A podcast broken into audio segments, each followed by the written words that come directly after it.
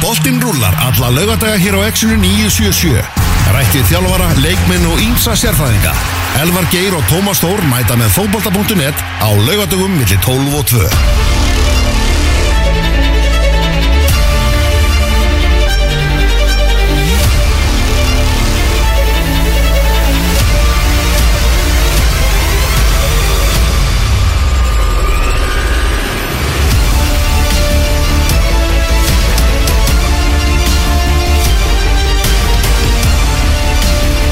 kemur manni alltaf í fílingin sko. Stöfuð! Bregst ekki, það bregst ekki. Lögadagurinn 7. mæ Útastátturinn fókbalta.net komin í loftið Elvar Geir og Tómas Þór með ykkur til klukkan 2 í dag í dráttbytni frá Suðurlandsbrautinni. Eh, Bestadeldin, fjórða umferð hún hófst í gær. Lengudeldin, hún er farin af stað. Það búið að skrifa undir vilja yfirlýsingu um lögadalsvöll til lögadalshöll, það var þjóðar höllin það er ekki komið að vellinum. Það er ímislegt að ræða sem við ætlum að fara yfir hérna fyrsta klukkutíma þáttarins. Svo setni klukkutíma. Þá ætlum við eh, að heyra í okkar manni Kristjáni Alla og skoða þetta rugl sem var í meistaradelt Evrópu núna í vikunni. Það var svakalega dramatík í undan úrslitum og fyrir eitthvað aðeins náttúrulega í ennska boltan svona tengt því en það mikið stuð, mikið stefn, mikið kvöldleikur í ennsku úrastildinu í kvöld? Já, undir ljósunum á Anfield. Þau eru erfið kvöldin undir ljósunum á Anfield fyrir aðkomu menn Reyndar eru líka erfitt á mótnana og svona um tvöleiti og svo síteis og sunnudöfum og lögudöfum og þriðudöfum og miðgudöfum Það er bara oftast mjög erfitt að fara á Anfield. Uh, En rosalega leikur í kvöld þar sem að bæðiliðin þurfa þrjú stig. Mm. Jafntefli gerir nákvæmlega denava fyrir bæðilið Þegar Leopold gerir jafntefli við spörana og þá er City samórið englandsmestari og ef að uh, Tottenham gerir uh, játefli við Liverpool að þá er Arsenal saman komið í Champions League. Ah. þannig að við hefum vona á uh, markasúbu í kvöld. Heldur betur uh, Arsenal kemur til Leeds á morgun sittum mot Newcastle. Þannig að það er fullt að gerast í engin hátegisleikur, það er verið að gefa Championship sviðið, verið að klára deildina þar. Uh, svona hitt, já, svona þriðja til fjórða lið þjóðarinnar sem við öll tengjum streyðarböndum í gegnum Stefán Pálsson. Luton Town er ennþá í fínum séns á að ná umspils uh, sæti Sheffield United er, uh, fekk eða þægilegasta leikina þeim öllum.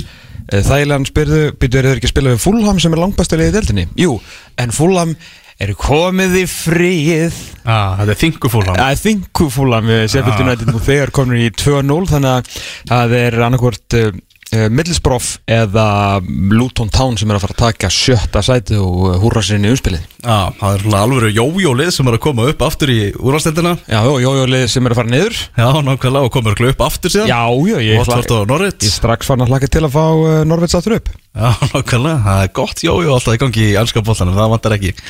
Heyrðu, við ætlum að byrja þetta á bestu dildinni það sjálfsögðu Uh, Fjóraðum fyrir eins og við segjum uh, fór að stað í gær og við skelltum okkur í Kaplakrika þar sem FA og Valur áttust við leikur klukkan 6 til að fólk geti líka séð körfuna í, í gerðkvöldi, valsmenninir mm Mhm. Sigur Ringi að grilla þarna með framsóknar svundu púp á, á krana Já, sko þetta var, þetta var skemmtilega aðkoma því að þegar við mættum klukkutíma fyrir leik fyrsti maður sem við sáum að sjálfsögðu J.R. Ewing eh, Tók á móti okkur. Tók á mót okkur. Uh, og svona aðeins að kenna okkur líka að helsa með virtum. Hann er náttúrulega er mikil föður ímynd fyrir okkur jóðar og hérna tökum við strax, strax til okkar.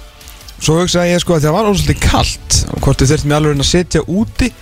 Nei nei, herru þá er andirið í Kaplakrika frá með svona hvað, klukkutíma einum og hálfum fyrir leik þá var það orðið diskopúp. Já og ég verið sko gagn og gaman að. Þarna var ölhúsið með eh, tvo on the crane. Þá bæði klassískur og light fyrir þá sem eru í, í formi. Það var enda ekki eðlilega að fyndi þegar Teddy Ponsa fekk sér kaffi fyrst. Það var eitthvað almesta leikrið sér síðan. Endaði svo held ég einhverjum 6-7 kvöldum. Það kom leiði rétting á þessu leikrætti hjá honum. Já, það kom mikil leiðrætting uh, mestu, Einir mestu F-óingar uh, sögunar Jónas Ímir og Heiðar í botliðu komu. Þeir fengur langbestu púpana Já Þeir voru alltaf hálnaðar með sína Árunni settust og þú þurftur að fara aftur. Ég hef aldrei séð hans fagmennska. Því líki fagmenn.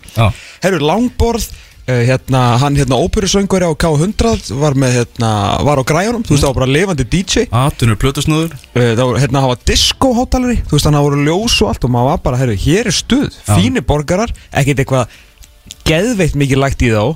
Nei. Ein tómatsneið, þrjár gúrkusneðar. Vel grillaði samt. Sigur Ingi var hann grilla kann að grilla? Hann kann að grilla, hann er góður að grilla. Fekk ég nefnilega bara medium rare.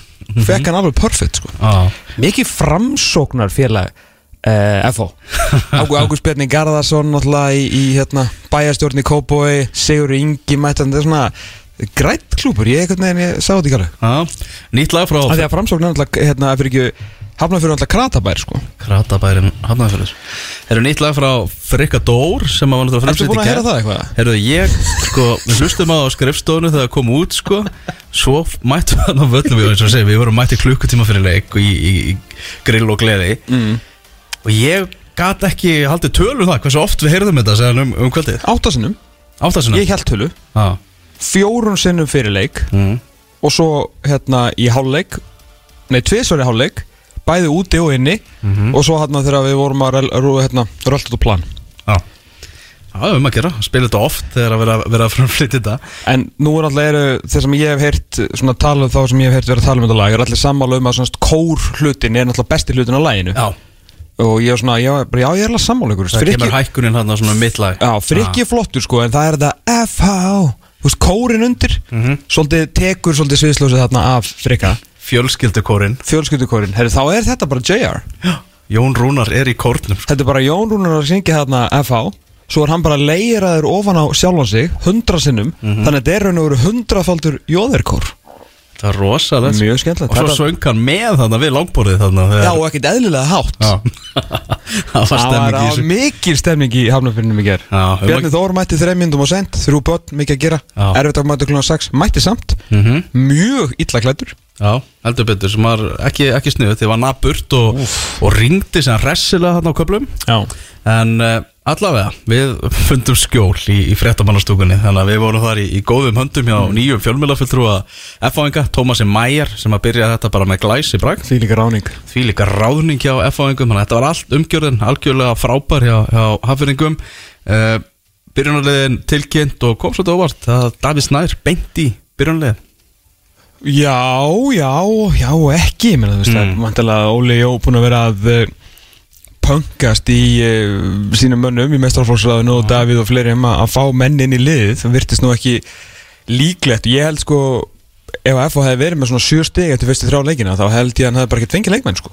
Það virtist ekki, þeir virtust ekki líklegir til þess að vera að fá sér leikmenn en síðan byrjaði þetta ekkert allt og vel og mættu Davíð Snær og, og Lasi Petri og hann var alveg skott að henda Já. hann bara beint í lið Lasse Petri er ekki komin með leikheimild verður Nei. komin með það í næsta leika móti Káa Já, þannig að hann var ekki í leikmannahópnum í gæðir en Davíð Snær beint í, í byrjunarlið uh, Svo bara fór þessi leikura af stað uh, og F-áinga bara betri í, í fyrri hálfleik. Komast yfir hann á 20. mínúti Ólafur Guðmundsson sem að skorar varnamæðurinn ekkert spes varnarleikur hjá, hjá kollega hans hinum með Sebastian Hellund sem að mann hefur svona fund, fundist vera smá tæpur í, í upphæðum móts. Ekki alveg nægilega mikið öryggi yfir honum nei og ég, fyrst, ég varst um að hann finni bara eitthvað til einhvers mikið tröst þannig sko, hann er einhvern veginn þetta er greinlega algjör fætir hann er einhvern veginn endanum kemst alltaf í liði hvort sem það sé sem djúpi miðmaður eða núna sem, eh, sem miðvörur og hann að en, Já, ég veit ekki, hann er, hann er ekki sérstaklega vinsall hjá, hjá valsmunum hvors, eða hvora stöðuna sem hann spilar. Mér fannst hann fara vel á stað þegar hann kom inn uppalega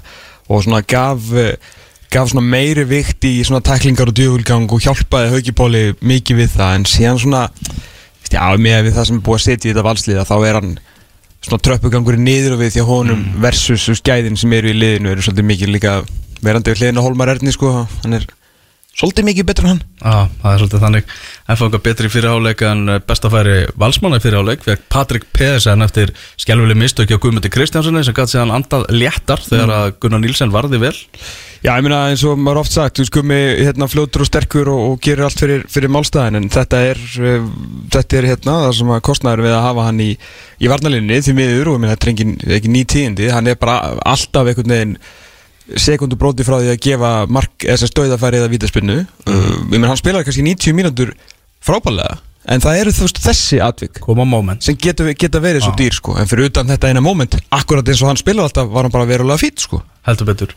Uh, 1-0 fyrir FH í, í háleik en svo svona já, fór sóknin að þingjast hjá, hjá valsmönnum og þeir náðu að jafna á 69. mínútu þá var mark svolítið svona lág í loftinu var Hólmar Neyjólfsson sem náðu að koma boltanum með endanum í markið, Patrik Pedersen sem að setja hann í stöngina og Hólmar náðu að klára yfir línuna og, og þegar þetta mark kom þá bara hugsaðum við báðir Valur klára þetta með þremistu Já, líka aðalega því að FH var þróttur að hafa aðeins bakkað í byrjun setni hálfleiksins og left svolítið valsmönnum að koma á sig að þá höfðu þeir fengið færi. Hérna, ég bara man ekki, hvað var staðan þegar Lennon fór hann einn í gegn og ákvað að vippa. Var orðið 1-1 á það?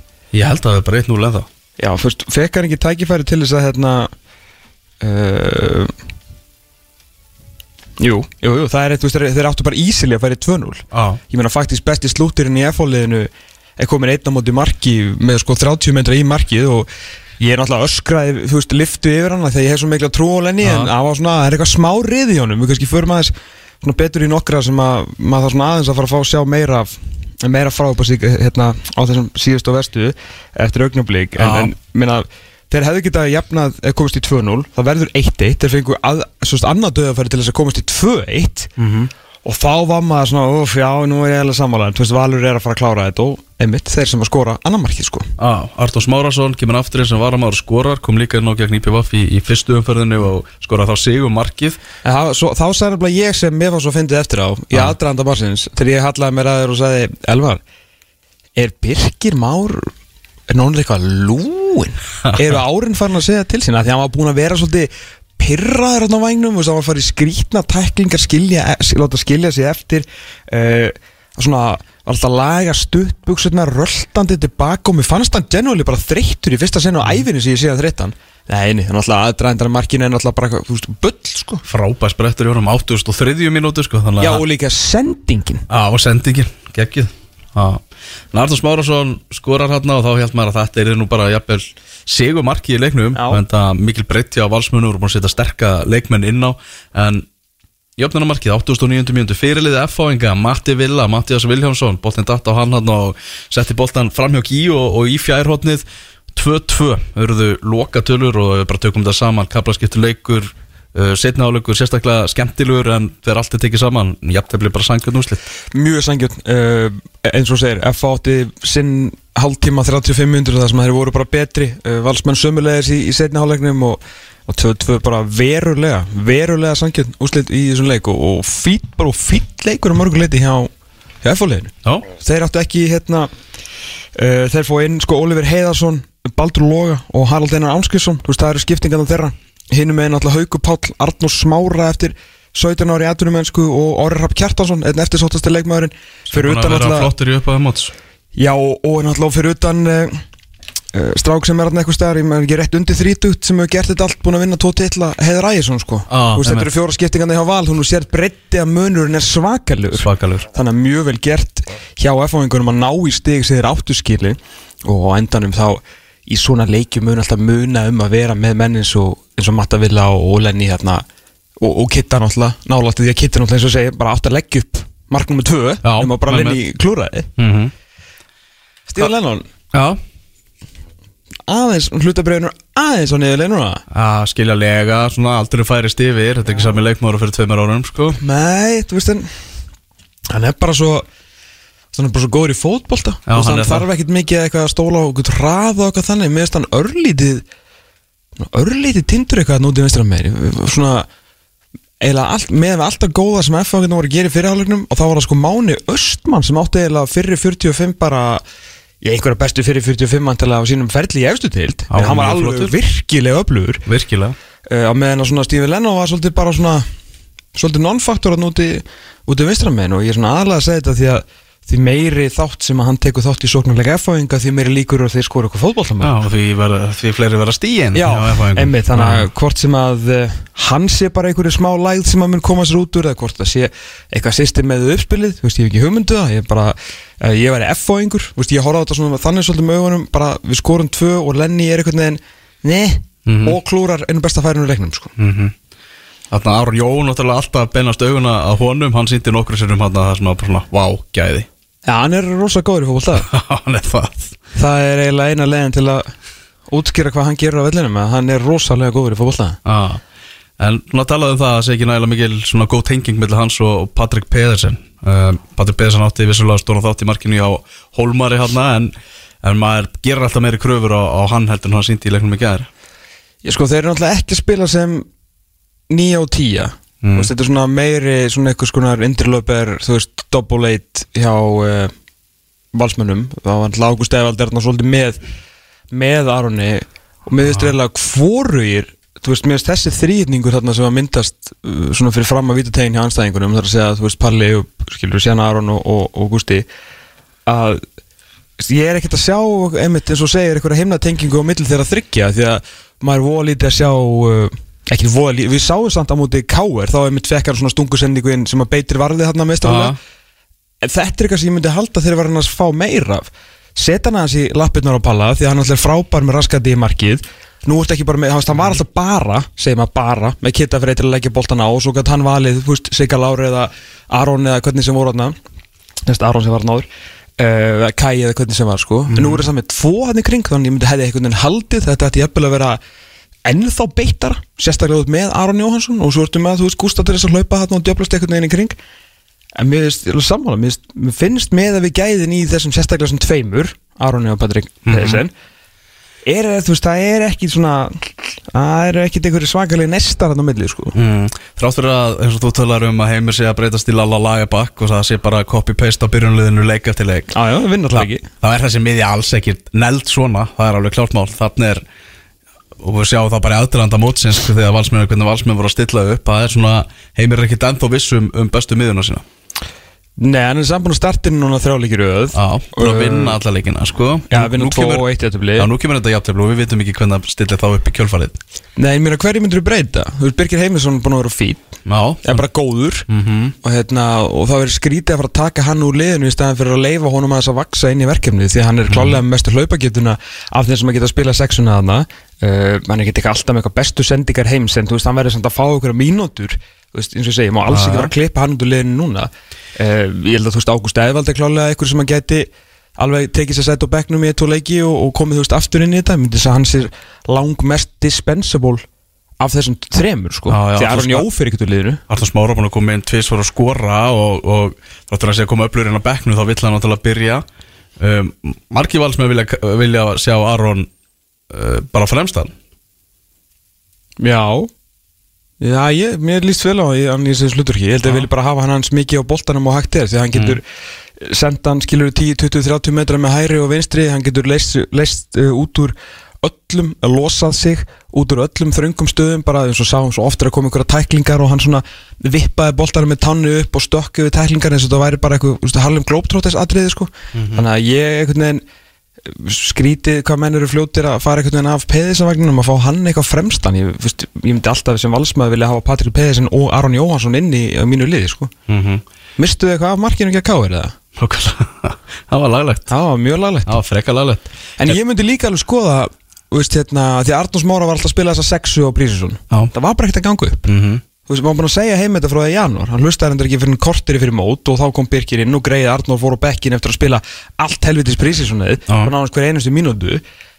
En okkur ekki bara lefa honum að vera aðeins framar Hann nú þegar komið tvö mörg Hann er náttúrulega sóknarmaður að upplægi Frábær í fótbolta Sneður sem getur fundið sendingar einmitt Og, og tölver betri fótboltamaður í dag Heldur en Ágúst Efa Linsson Þráttur hann hafi ekki sem hlaupagetu En er það þá hrættur um hlaupagetuna á móti. Þú veist hversu, þú veist, mér finnst Aron Jóveres hérna, hendi í fullta framlægi Þegar kemur að hérna að hlaupa upp menn og, og sinna varnavinu það, er, það er, mér finnst, voru lítið luxus yfir honum. Ég held að hann væri meiri luxusleikmaður mm -hmm. Að hafa síðan eitthvað, þú veist, það mikið. Þannig að bara vel gert hjá honum. Þannig að ég myndi alveg skoða Nóra Smára þarna inn í, inn í liðið allavega. Hann ætla að sjálfsögða endan þarf hann alltaf að hrista eitthvað upp í þessu. Mhm. Siggi Lári í stóru úlpunni bara aftur upp í stúku. Já, áttur upp í stúku, var að spjalla við mæjarinn hérna þegar ég labba, labbaði framhjá og, og uh, það verður frólægt að sjá hvað verður með framtíð hans. Uh, Óli Jósa, hann var ekki á leiðin í FH Ég myndi bara alltaf að setja hann í liðið fyrir þryggarhafnur á morgun sko. Já, það er þetta frétt að Óli Jó mætti viðtöld, spjallaði við alla fjölmjöla Það er já ánægilegt að sjá. Já, létti yfir honum Bara bulli búð Bullibúð Valsmenn með tíu steg, ekki búin að tapa leik. F-fáingar fögnuðu þessu svona jöfnunamarki gríðarlega mikið. Í gær voru vissulega að keppa á móti liðið sem var búið að vinna alla leikina sín og allt það. En hins vegar voru þeir í á heimavelli og eftir fjóra leiki þá er þetta eitt sigur, eitt jafntefli og tvö töp. Mhm. og það er bara, bara staðrænt lífsins. Já, já, og Sigurinn á móti fram. Já, einmitt. Hann er svona, þú veist, og fullt af jákvæðum punktur svo sem sem þið geta tekið úr þessu og eru að fá inn öfluga leikmenn inn og, og allt það. En eh, það er ekkert blóm í haga ennþá hjá, hjá F-fáingum Nei, þú lítur líka bara á liður og þetta er svona Þetta er svolítið skrítin blanda Þú veit einhvern veginn með miðverði sem eru búin að gera þetta allt saman og maður veit ekki með hungrið hjá Finni og Gumma maður veit bara að þeir eru svo miklu topp karakterar Já. að þú fari alltaf 100% framlag. En þú veist miðverði sem er ekki miðverði Mánu Östmann get alveg trú að hann sé bara smá hissa að hann sé að starta fyrir FH eins og ég Já. sagt, ég bara, maður vil ekki vera að tala illa um menn en það er skrítið að Mánu Östmann sé í byrjunliðinu hjá FH ef að FH sé að sækja, þú veist, sé að vonast að fara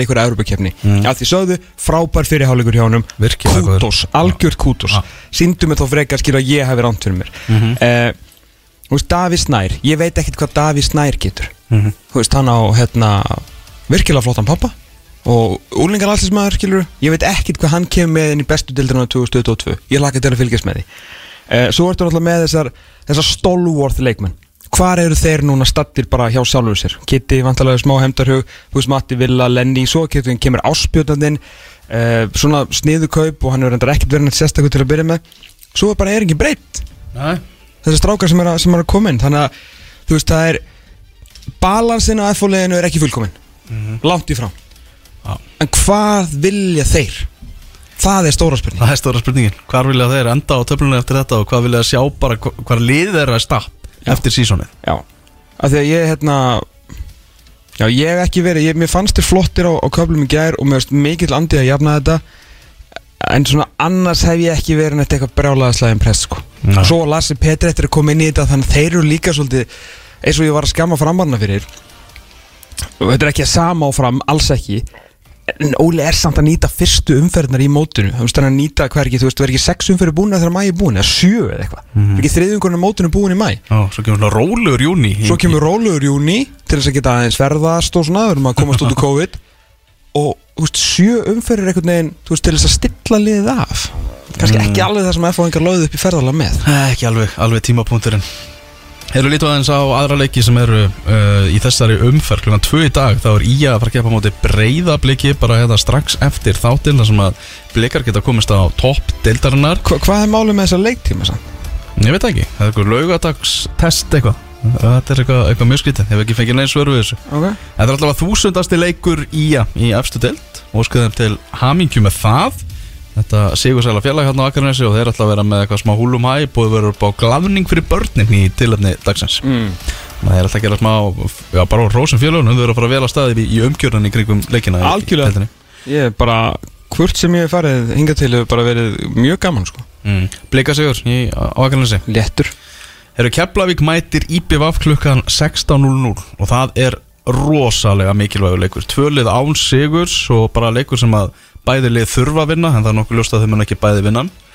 Þannig að eh, þetta verður alveg barátta. Ívan Kaljúsni úkransku miðjumæður sem að Keflavíkingar fengu, hann er komið leikamild Ok, flott. Fyrir þennan leik.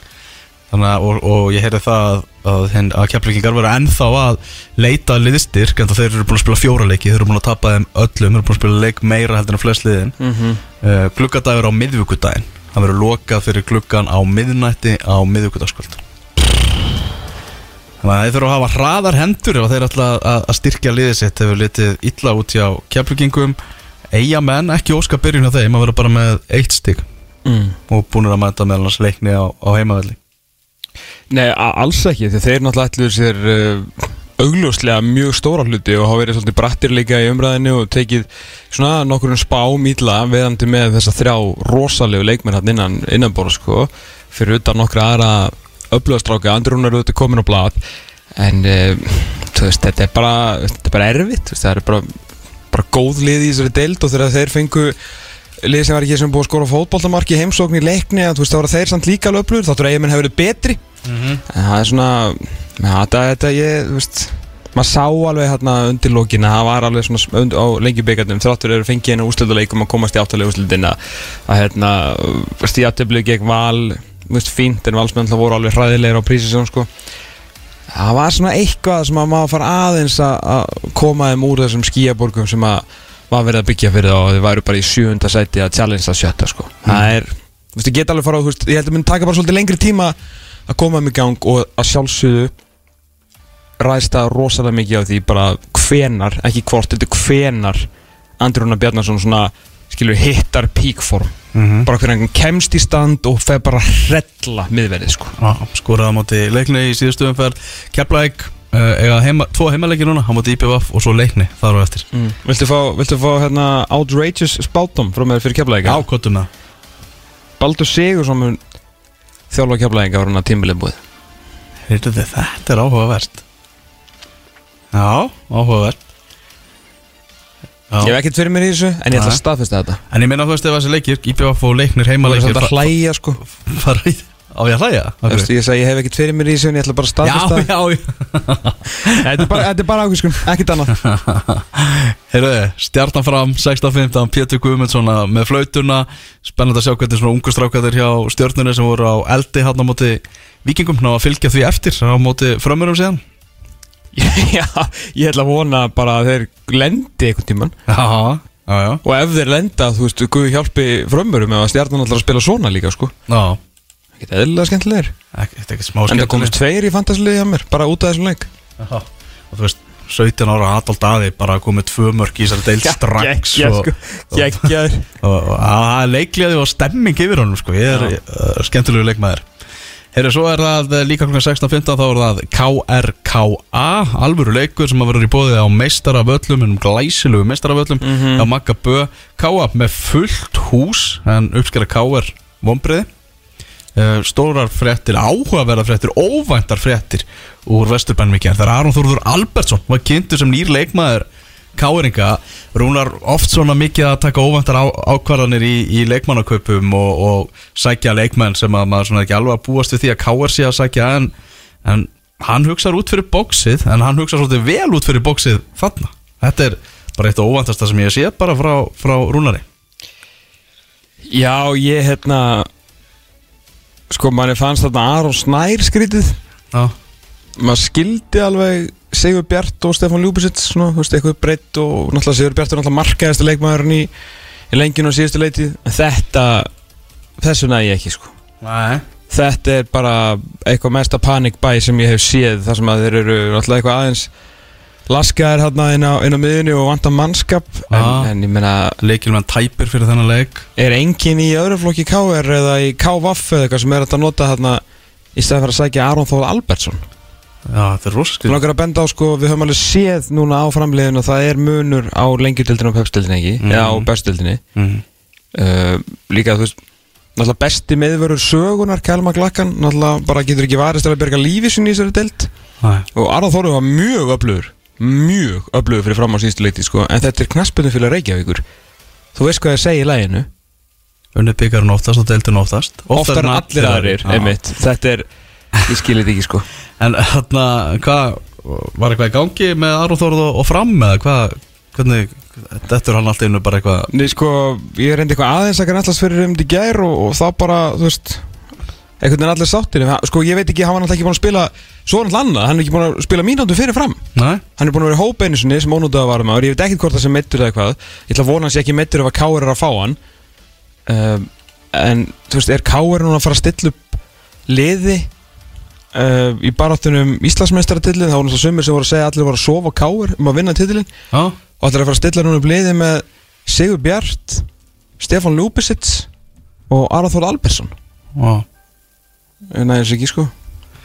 Nei, þetta er, þetta er mjög óvænt sko. Já, þetta er, þetta er verulega, verulega skrítið. Og þú veist, þetta er ekkert last á Aron ég veit Nei. að einhver er, þú veist, í kringum að munu taka þessu þannig en þú verður brátt okkur á því að við erum að tala um káir sko. Já, það er stóra samingi já sko. Ég væri ekkert í sjokki að hann væri farin í IBVF eða Leikni eða Keflavík eða eitthvað skilju mm en káir fór henni móti til þess að vinna titilinn.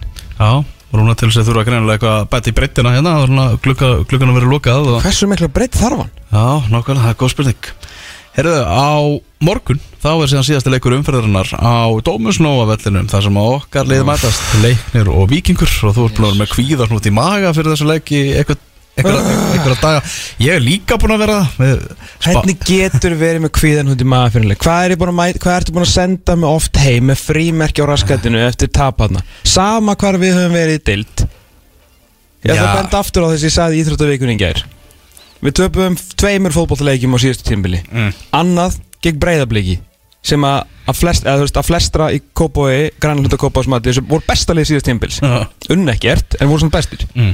Og hver á hinleikur sem við töpum? Það var leiknir í breiðalti Nei, já, það, Já. ok Já, já Við áttum, sko, við fretu, jú, ok, við áttum hann eitt skot, nokkuð skot á markið og eitthvað og skoruðu við ekki úr vítið? Eða varðu þið ekki í mér þess að? Það ekki 2-0? Já, þetta var ekki gott fyrir þína menn Nei, nei, það endaði vel En ég meina, þú veist, mínum menn þurfa þessar að spýti lófa og fara, fara að sína eitthvað Hvað Þetta er þá betur en þegar Vikes kom í heimsók? Það er bara frábær tímapunktur Er ekki Brynjar hlöða svona regla meittur eða eitthvað? Nei, ég held að hann sé alveg bara fun heitir fyrir þennan leik sko. Já, gat nú verið Já.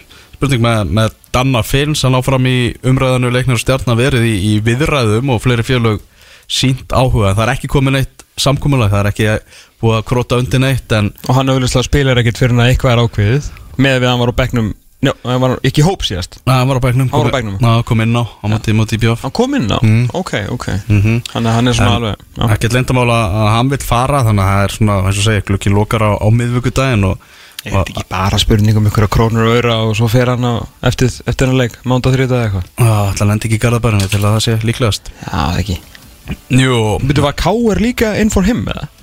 Já, eitthvað, það er búið að vera áhuga alveg bara víða um tildina Já, ok, ok. Já, En, já, Maður ég, greinlega verið að horfa á lengjubikarinn ég er alltaf búin að gefa þá von mín að, að sjá Danna taka eitt svona heilsteift alvöru tímabil með leikni að- að fyrir hana Því miður sko. Já. Fimm af eh, sex leikjum í fyrstu umferð lengjutildarinnar er að baki. Gróta er að fara að mæta vestra klukkan eh, tvö í dag strax eftir þennan þá En uh, Í beinni útsendingu?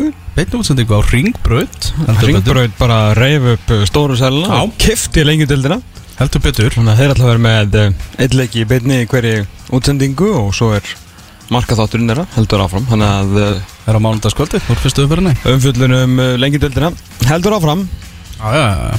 Og við höldum áfram að, að fjallum hana og höldum að byrja svona þegar við förum yfir þessa leiki að fara í bógan á Akureyri ger þar sem að Þór og Kórdrengir áttust við.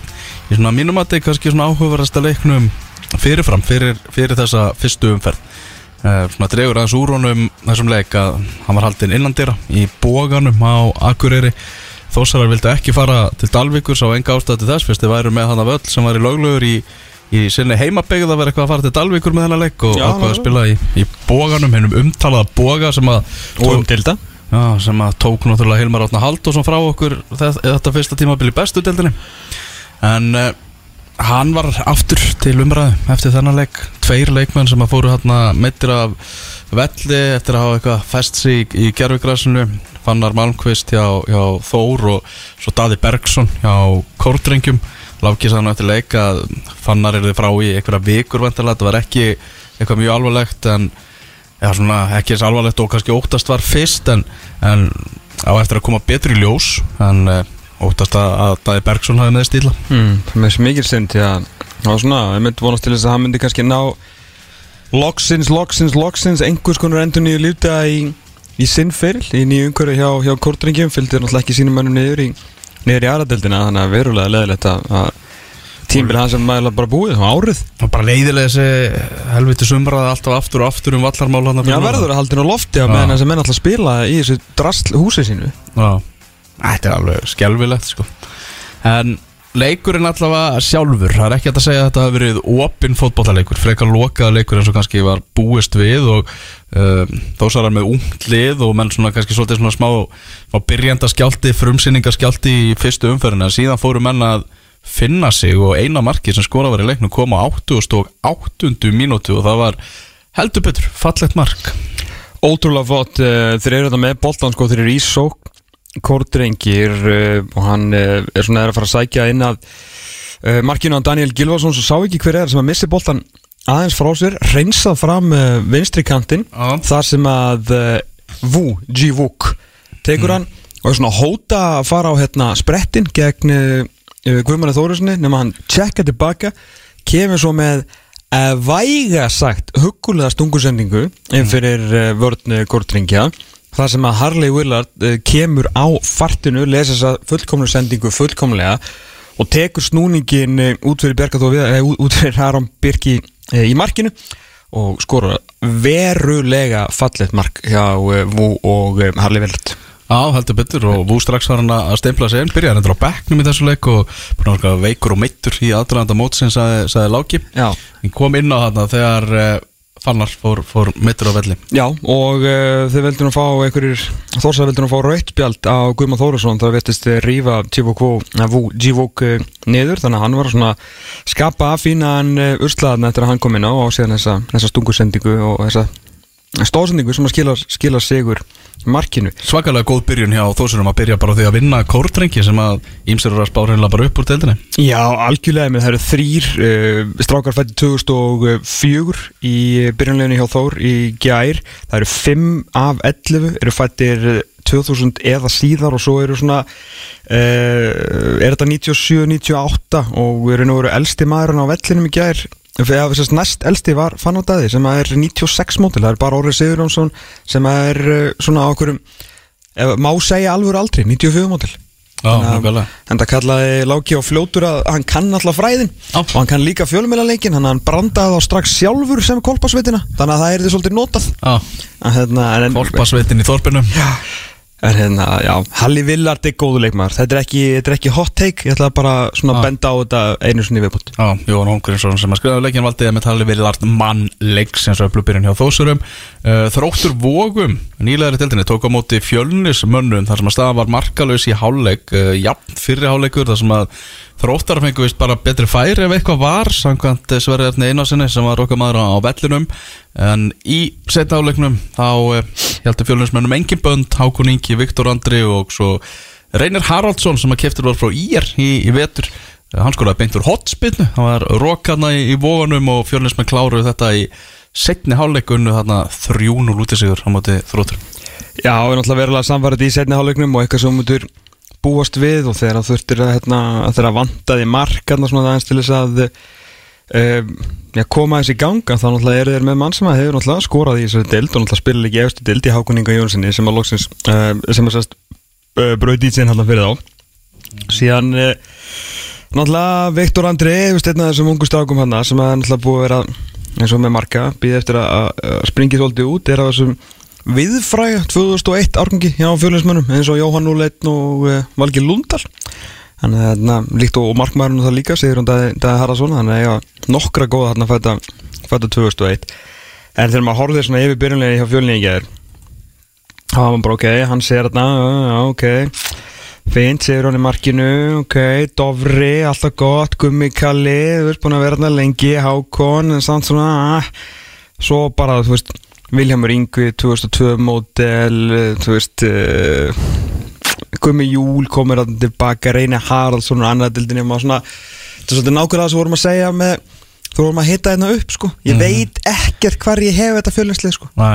Bara ekki neitt nei Svavar Ellir orðin Bjartsitt þetta er hann út í sigur í, gær. Það voru enda stórt fyrir og ég held að þið fara bara upp. Það var góð byrjun hann í, í vógunum ég held að ég ætla bara að leifa fjölunslmönnum bara svona eftir því sem að áliðu mæmánu aðeins að leifum bara svona sjá hvar þeir eru. Já, bara hvað, þú veist, ok, ég ætla ekki að gefa hann hérna standandi lofatak fyrir að vinna liði sem að flesti spá að mun og alla vinna leiki í þessari deild. 3-0, gott að klára þetta búnir með þetta. Uh, en svona, já, ég vil ég ætla aðeins að býða með á. Hmm. Eður Bejan þjálfari þróttur vóum að spurði því, á því eftir leik hvort hann var að leita að leikmennu til að bæta í hópin núna þegar það eru nokkru dagar í að klukkanum verið lokað. Hann svaraði nei, þetta er hópurinn sem ég er með og það voru frábæri leikmenn sem voru skildir eftir utan hóps og frábæri leikmenn á bekknum sem voru klárir að koma inn. Já, ég segi bara eitt. Já. bara guð veri með næsta liði sem að þró, þróttum mæti þegar að sko góðu fótballakallinni spila. Já. hann er alltaf létgreinlega slöku spila hennar leik ég veit ekki alveg af hverju. skildi frábæri eftir á bekknum og utan, Utan hóps. Já, ég var fullt af frábærum mönnum. Og þá, þegar, og væntalega koma þeir inn og þá eru farin og segir að þetta inn sko. Já, já, maður skilur og það nú finnst það svakalega gaman að tala sko. Já, yður er hérna náttúrulega að reyna að halda sjálfströsti í hópnum og að mann sé hafi trú á þessu og allt það en, Já, gott fyrir byrjunlega að heyra þetta. En ég held að held eins og er að þróttur vofu mig ekki frábæra leikmenn sem það skilja eftir utan hóps. Það er lega mér að efast um það alveg Já, þú, ok, þú leifið það. Já, en sjáum hvernig þetta verður stemming alltaf á voga íti við vellinum.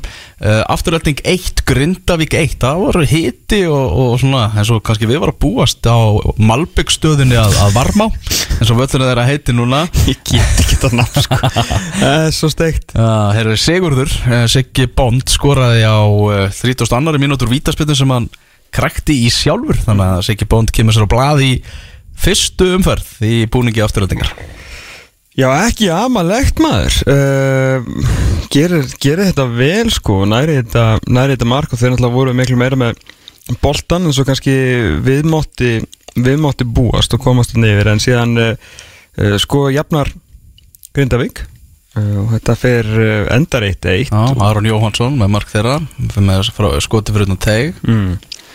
En Greinvíkinga voru ekki, ekki sáttir við uh, dómaran uh, Gunnar Ótt Hafliðarsson Vildu hann að fá uh, vítaspinnu Ég er ekki búin að skoða það atvik Hef ekki, hef ekki fengið að sjá það. Ég hef ekki sé það. En hins vegar var uh, atvik þar sem var mark dæmt af þeim þar sem var dæmt rángstaða sem að þeir voru ósáttir við og hann talaði meðal hans um það hann Alfred Elias þjálfari grindvikinga eftir leik hann hefði bara viljað sjá dæmt mark þar skiljanlega hefði hann viljað sjá dæmt mark þar sem hann er þjálfari grindavíkur en, það hefði verið ránt að dæma mark í því tilfelli Já, bara vel gert hjá aðstofdómarunum og dómarunum þar því að Já. uh, hérna, þegar skoti kemur svona stendur leikmaður grindavíkur beint í sónlinu fyrir, uh, fyrir uh, Esteve Benja Albons í markinu hjá afturhildingu og með þess að hoppar upp til þess að vera ekki fyrir skotinu þannig að hann gæti eiginlega ekki trubla markmannin meira. -hmm. og er í rángstöðinu og er klálega ránstæður þannig að þetta er ekki, ekki til umræðu bara flott bara hjá dómara hérna, parinu þarna.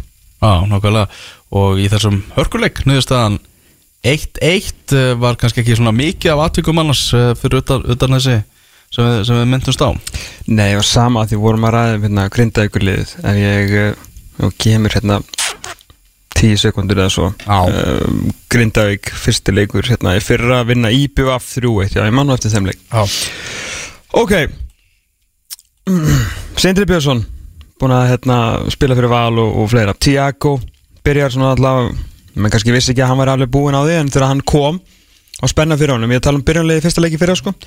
Jósef Seppa sem var búin að vera með betri miðurum í efstu deild. Dion sem á einum tímbili verið besti kantmaðurinn í efstu deild.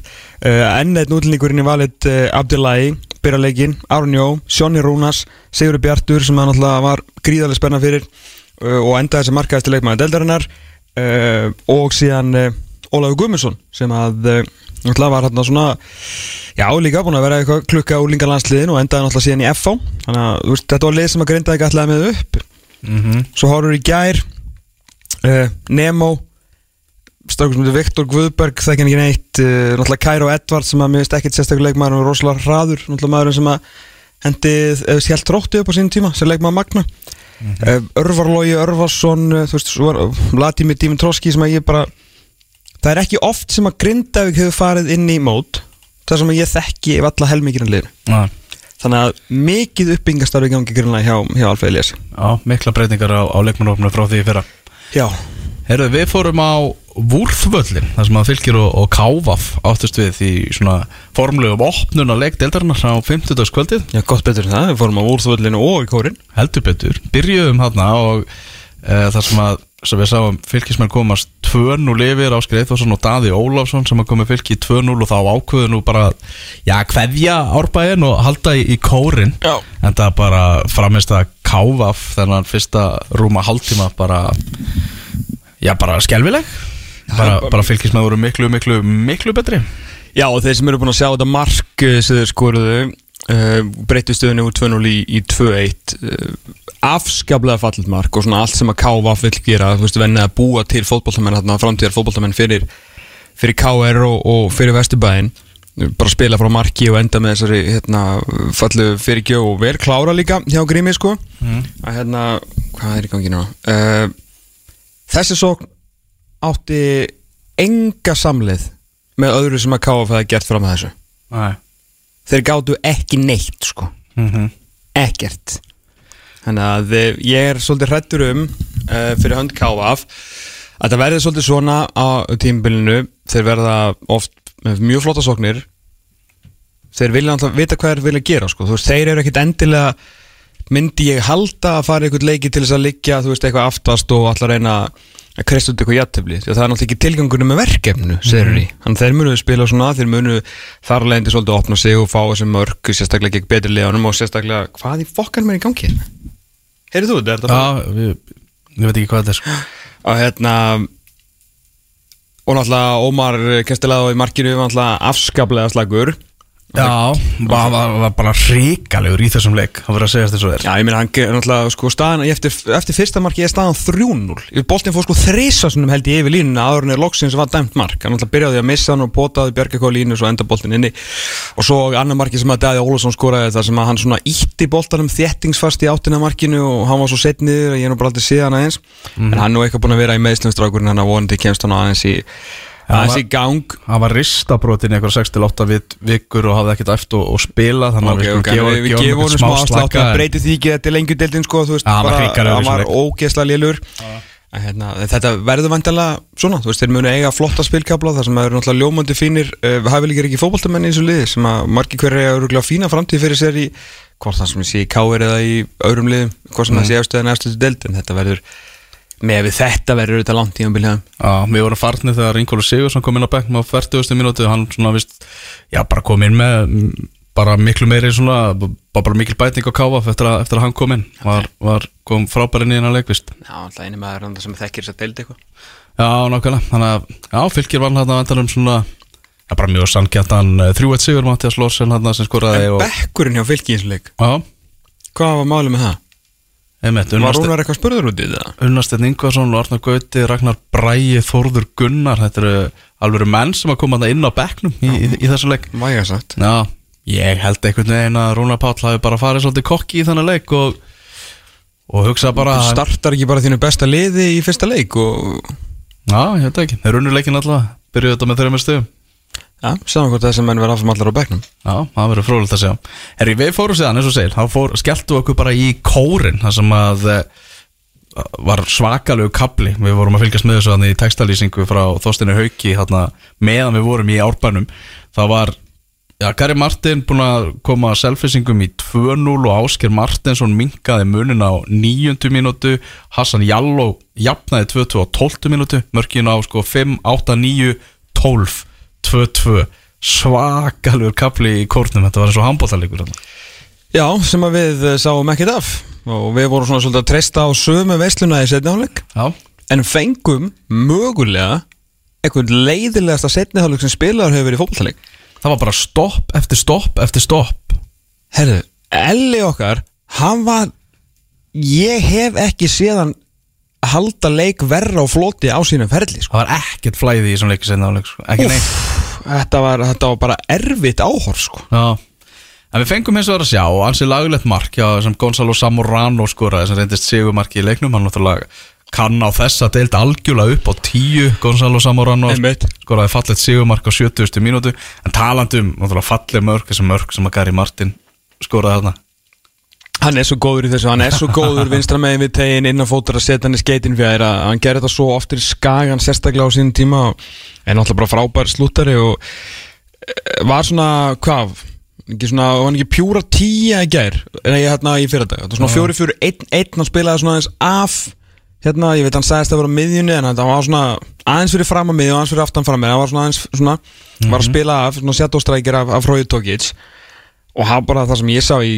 í setni álegum, við komum og hittum hérna þryggja meðlan konar Magga sem að sagði okkur að hann hefði nefnitt verið bara svolítið að bossa miðuna og að fá hann í lappir og gera og græði held ég áfram með í setni álegnum og hann svona, eins og ég sagði hérna fyrir mót, svona lítur út frá að vera mjög sáttur einhvern veginn í eigin skinni, búin að taka sér alveg nýtt hlutverk, veit að hann er ekki að fara að skora 20 mörgum sem hann segir sjálfur með Rói Tókits og þó, ég meina hann skora 2 og Tókits náttúrulega ekki neitt. Og ég hérna fór og náði mér í kaffi einhvern mann hérna snemma í setni hálfleiknum og var þá náttúrulega komið með fleiri hlaup sem sagt, kilometra á púlsmæli minn heldur en Tókits í leiknum sko.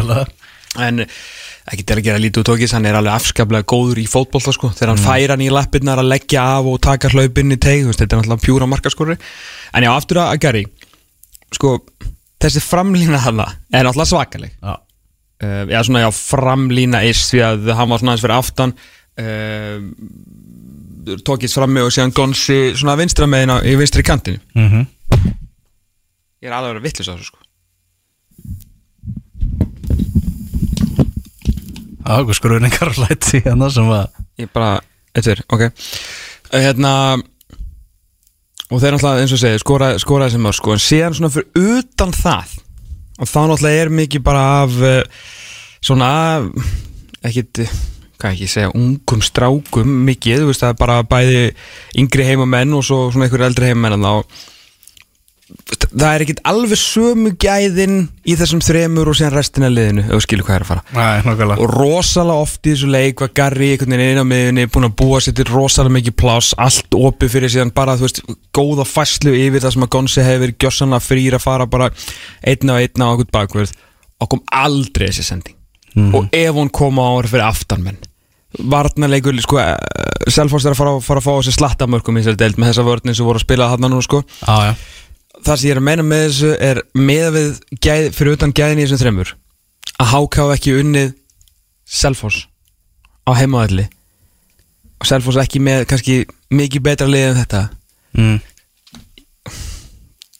maður var svona að senda HK upp bara svona svolítið til þess að senda upp eins og útskýrum þetta fyrir viku bara þetta er HK, þú veist þetta er félag þeir eru nýkonin yfir, þeir eru með þess að stráka Áski Martins, Alla Arnars, bla bla bla bla bla sko. Já, Birgir Hérna, Val. Birki Val, Ívar Örn og allt þetta. Mm hérna, en uh, mér fannst ekki geta neitt í setna sko. Nei, ekki neitt. Nei, það verður bara að segja þetta eins og er. Bara ég skildi ekki náttúrulega að fara hræðilegt fyrir að missa Valgir út á meittan en svona ég skildi náttúrulega eins og oft þegar ég var að horfa á HK Efsidelt og skildi ekki alveg oft hvað planið var. Mm og ég skildi alls ekki hvað planið var hann í ger hvað þeir voru að reyna að gera við fimmtudaginn segi og þeir bara fengu hérna eitt, fengu allan eitt gott færi sem var svona soldið eitthvað random en svo var þetta bara eitthvað. -hmm. þessi hérna framhörinn hérna Valú bara algjörlega tindu fyrir ekkert service. Og, og Bjarni Gunnars kom inn og fór aftur út af og fram á við þráttur að skora þessi tvö mörg ég sá náttúrulega bara setni 45 og á sem setni 45 var svona það sem gerist fram á við því að háka á alls ekki gott sko. Nei, nákvæmlega. En því lík byrjun hjá selfisingum Já, þetta eru reysa þrjústi og líka bara Gary Martin byrjar í þessum gýr og hann er svo mikið sýningamæður að sjá hann þegar hann lappar inn í, þú veist, út í setni hálfleikin svona nokkra mínútur í að setni hálfleikur byrji og hann nota tíma svona til að skoða stúkuna hverjir eru aðna og benda þeins og eitthvað svona sko sýningar maður hann kann þetta sko Já, hann kann þetta en frábært byrjun hjá selfisingum voru frólægt að segja hvernig þetta heldur sann áfram í þessari lengju deild Mhm. uh, Ég var að fá að senda myndina frá Haflega Breiðfjör sem er mættur upp á Skaga þar sem ég og Breiðablikar frá mætast klukkan 2 uh, 65 mínútur í leik þessi menn er ekkert að grínast segir hann og uh, sendir þetta mynd úr stúkun og það er bara sko, stór hópur stuðningsmanna í að eru bara mættir hérna í stúkuna meira en klukkutíma fyrir leik sko.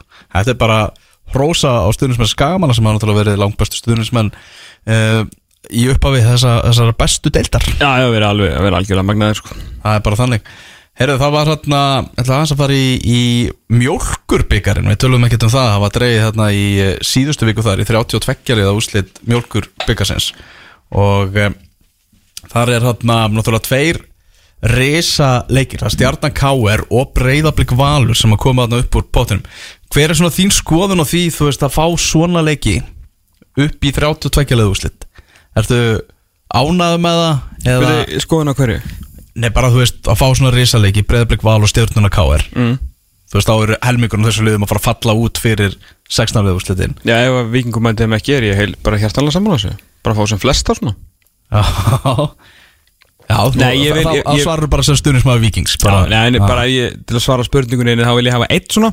Já, og uh, annars vil ég bara hafa svona draumalegi já, þú veist, lengjana móti annari deild eitthvað svona, þú veist, utan deilda móti lengju deild. Uh, lit, einhver smá, einhver smá bæir minni þorp að fá, þú veist, káer og val og, þú veist, viking og eitthvað svona heimsókn, þú veist, þannig vil ég hafa 32 lústin eins og hægt er. Já. Þarna byggarinn náttúrulega komin aftur á, á rúf uh, Síðast þegar rúfa með byggarinn þá synduður hún um alveg hrikalega.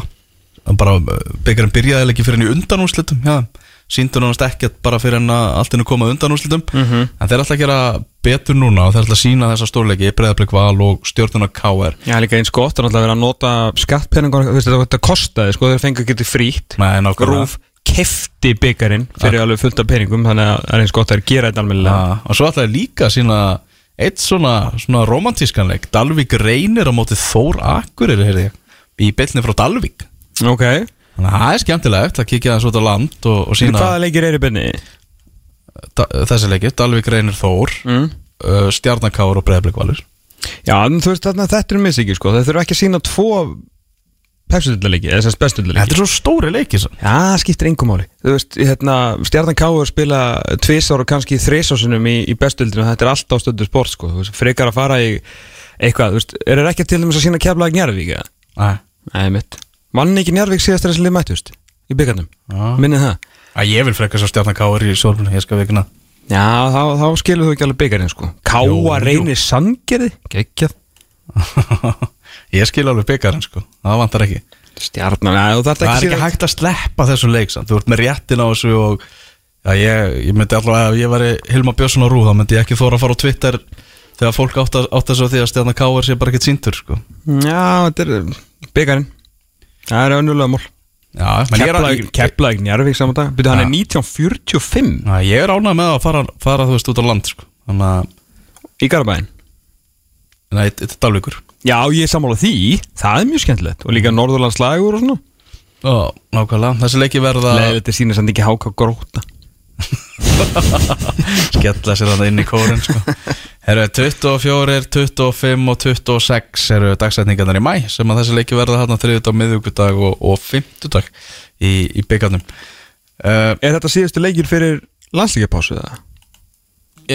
Nei, svo kemur einu umferð hérna nokkru dögum Einu umferð, ok, ok. Já, Þannig að alveg í lokin á mæ Byrju, hvað er draumur Draumandi geta gerst Hvergi? Nei Hvað meina, að, að komi óvænt úslit Hvað er köpsettið? Hvað er köpsettið? Ég menna, er það köpsettið að fylgir vinnur í BVF? Nei. Nei. Grindaði í er, nei, já, svona. Ah, Það Já, er lítið Það er eiginlega engin möguleik okkur alvöru köpsetti útiloka það. Já, ja, þú veist, Keflag Njárvík, það er náttúrulega heil deild á millera Já, nákvæmlega. Já, það, já, já, það er alveg, alveg virkilega óvænt Keflag Njörðvík, það verður, verður hartbarist þar. Það er ekki spurning. Herri, við myndumst að þessi upp að þáttar á þessa vilja yfirlýsingu með, með þjóðarhöllina sem var skrifað undir hérna í, í laugadalnum Ég hef bara skrítið að ég held að var nú bara að byrja þar að negla hérna fyrir þetta hjá okkur. Ég sá einmitt að Sigmundur Davíð, hann var eitthvað að gefa hans afskaplega lítið fyrir þetta. Ég meina, við- það er hægt að henda upp vilja yfirlýsingu fyrir allt. Þetta er ekkert í eins og á fjárhagsáallur, þessi þjóðarhöll, sko. Nei, nei Við getum bara undir þetta núna vilja yfirlýsingum að vera nýr þjóðarleikangur bara klári næstu viku og verði með færanlegu þakki og 17 púpum á krana og eitthvað. Mhm. Ég mitt undir þetta vilja yfirlýsing í morgun ég hef fullan vilja á því að lýsa liðból tóttanum í kvöld Já, Ég ætla að standa við það sko þú vart að standa við það. Það er mitt lögataskostingar lof Já, nákvæmlega. Eh, Þessu tengt kannski, landslið, Ísland búið að bjarga sig frá falli úr, úr þjóðatildinni. Ha, Arna Viðarsson þarf ekki að spila leikina Nei, rússar, flautar og leik, þeir voru með okkur, eða eru með okkur í, í reyðli Sjálfkrafa þá enda þeir í neðsta sæti, náttúrulega við erum komin í bjöldeld þjóðatildarinnar og e, þetta gerir það verkum að, að rússarnir þeir falla. En e, það eru þrjúlið sem er að fara að berjast um það að komast upp í aðtildina, þetta fyrir alltaf stað í, í júni Já, þetta eru rosalega góða fréttir. Þetta vil maður uh, að segja eitthvað undir í, í leikjónum og þetta er eitthvað- undir að komast upp sko, en með þessa uppbyggingu sem við erum í þá er Já, ég ætla ekki að ljúga því. Það er þægileg til svona að vita þess að við getum ekki, ekki fallið úr, úr bjöldildinni því að ég nenni ekki sétildina sko. Þá missið náttúrulega endalega endalega áhuga á þessu og náttúrulega engin káttar með þetta heldur en Viaplay sem að eh, var þá ekki að fylgja okkur niður í, niður í sétildina þeir er náttúrulega búin að kaupa alla landsleiki til 2026 sko. Einmitt. En, en svona sem stundismæri íslenska landsleisins þá með hvað þetta er hvað að segja, snúin riðil sem við erum í, lið sem eru klálega betri heldur en við í dag og meðan við erum svona á okkar vegferð að reyna að koma okkur aftur út úr öldurótinu og einhvern veginn upp stegan og ný þá er fagnaði því að við getum ekki, ekki fallið Nákvæmlega. Eru byrjanlegin eru komin í leik eh, IA og Breiðablík sem að hefst klukkan 2 og eh, Oliver Stefánsson sem að var veikur og því ekki með eh, skagamörnum í síðustu öfur, hann er komin aftur í byrjunarlið Gott. hjá IA sem eru afskaplega góðar fréttir fyrir þá, sínir svona já, fljóta litið að það sé svona nokkuð hefðbundin uppskrift hjá, hjá blíkonum. Oliver Damir, Höggi, Viktor, Kitty Stendur, Gísli Jason, Viktor, Ísak, nei, er þetta ekki bara Moly eða? Ó, það. þetta er bara sama liði. Heldur betur, þessi leikur hefsklungan 2, fyrstir leikur dagsins í bestu deildinni. En við ætlum eh, hérna eftir auknar blikka að skoða eins meistaradeild Evrópu, ætlum að ræða með Kristján Allar Ragnarsson okkar sér. Það er enginn hátæðisleikur í ansku úrvalstildinni þar sem er verið að gefa hérna lokaumferðin í Championship-deildinni sviðið og það er bara staðan þannig að það eru Huddersfield, Nottingham Forest, Sheffield United og Luton sem er að leiðin í umspilið Fulham á Bournemouth sem að höfðu þegar trist sér eftir tvösætin og verða í bestu deild Englands á næsta tímabili Já, gott að fá uh, þessi leið aftur upp uh, svona kunnulegir gestir bara og en svo náttúrulega vonum að Nottingham Forest uh, fylgi þeim upp sko. Já, Kristján Alli, okkar sérfræðingur um ennska boltan og, og þó víðar væri leitað, hvernig ertu í dag Kristján?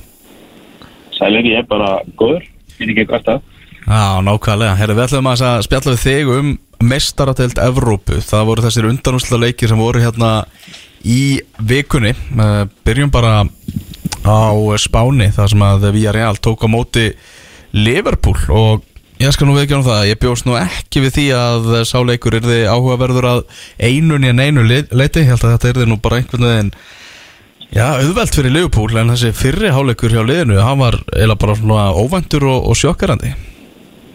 Já, kannski heldur Leopold líka að þessi leikur er auðveldur.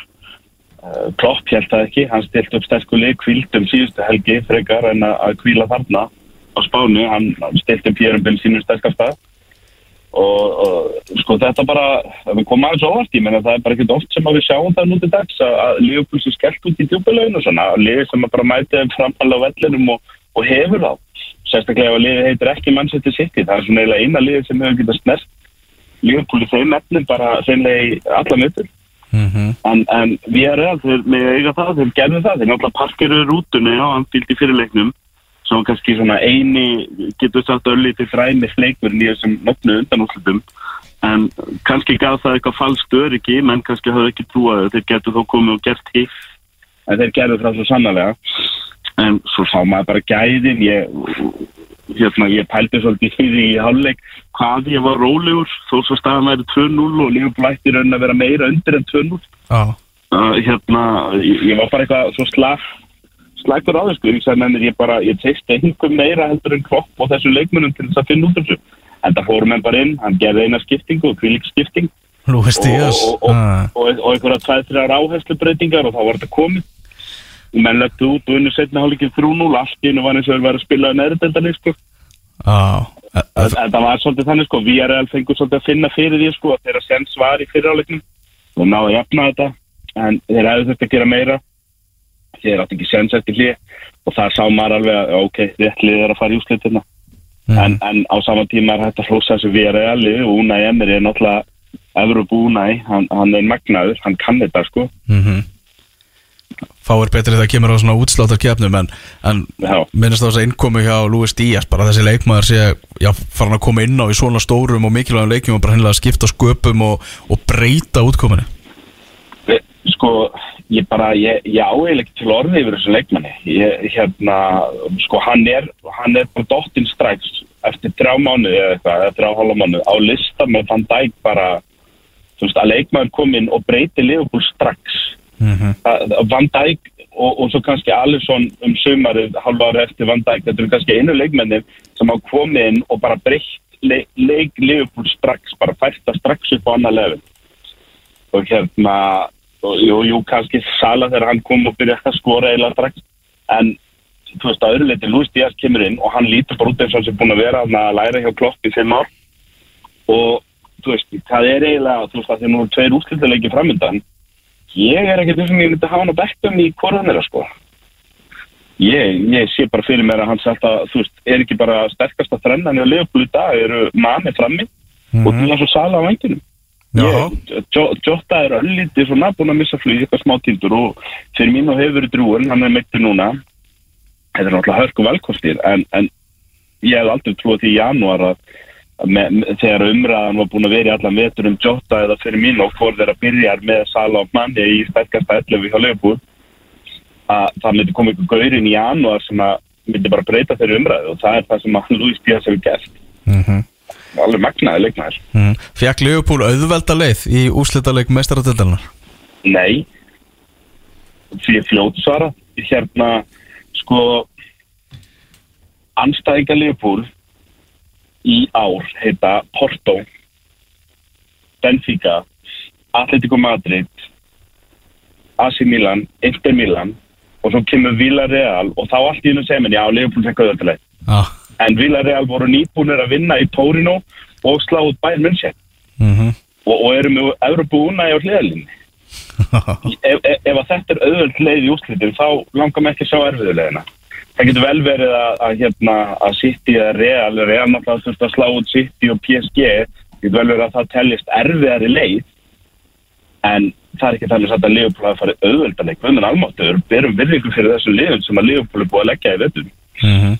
og, og það er í rauninni hálf ótrúlega, það er kannski stjórnlegasta stærndin í þessu sem ég sá á netinu í gerðkvöldi að Leopold var í rauninni að setja net sem er ekki hægt að bæta þeir eru bara búin að mæta mótherjum frá tremur löndum í mistardildinu vettur þeir voru með, með Porto eh, Porto Asi og Atletico Madrid. Þetta eru Portugal, Ítali og Spán í reylinum Mhm. og svo eru búin að mæta aftur Portugal, Ítali og Spán núna í útsláttakefninni Já, og svo er annars spænslið á leiðin í úrslitunum þannig að það er, það er ekki hægt að spila við færri lönd undir núverandi reglum í mestafdeldin og fara alla leið heldur en þrjú lönd og, og hérna, og það eiginlega hálf galið sko. Mhm. Ske, skemmtileg tililin en, en, en breytið því að þetta voru í raunin allt sáranlega sterklið sko. Mhm. Ef við förum í hinn undan úrslaleikin þarna bara þetta- þessi útsláttakjarni meistaradeildin er búin að vera reynt út sagt stórkostleg og hárrétt ákvörðun hjá UEFA að breyta þessu, taka burt þessu útvalla marka reglu, þetta hefur svona opnað þetta og gert þetta ennþá skemmtilega Já, ég var, ég var efins. Mm -hmm. um, um þessa breytingu en ég á, á, sko með við það að þessi útsláttaketni held ég hafi verið bara svo dramatískasta og, og skemmtilegasta þeimlega í mörg ár að þá get ég eiginlega annað en verið sammálaði menn eru ekki, það er ekki verið að mæta útöðlinn nema með einhverjum öllfám undartekningum og parkera rútunni og hugsa bara um að reyna að halda hreinu sko að hínu skor ekki. Þannig að þetta er búið að bjóða upp á fleiri skemmtilega leiki og kannski svolítið vistari leiki að hérna eh, þú veist, maður spilsir til dæmis hvort að Villarreal hefðu, hefðu blásið svona mikið til sóknar á móti Liverpool vitandi það kannski að eitt mark, eitt útimark hjá Liverpool hefði kálað því inn í. En undir núverandi reglum þá gildir útimarkið ekki tvöfall lengur. Það gildir ekki meira. Þannig að, þeir gáttu bara leift sér bara hefðu, við þurfum bara að vinna tvekja marka sigur hvernig sem við vinnum hann? Og blísið til sóknar.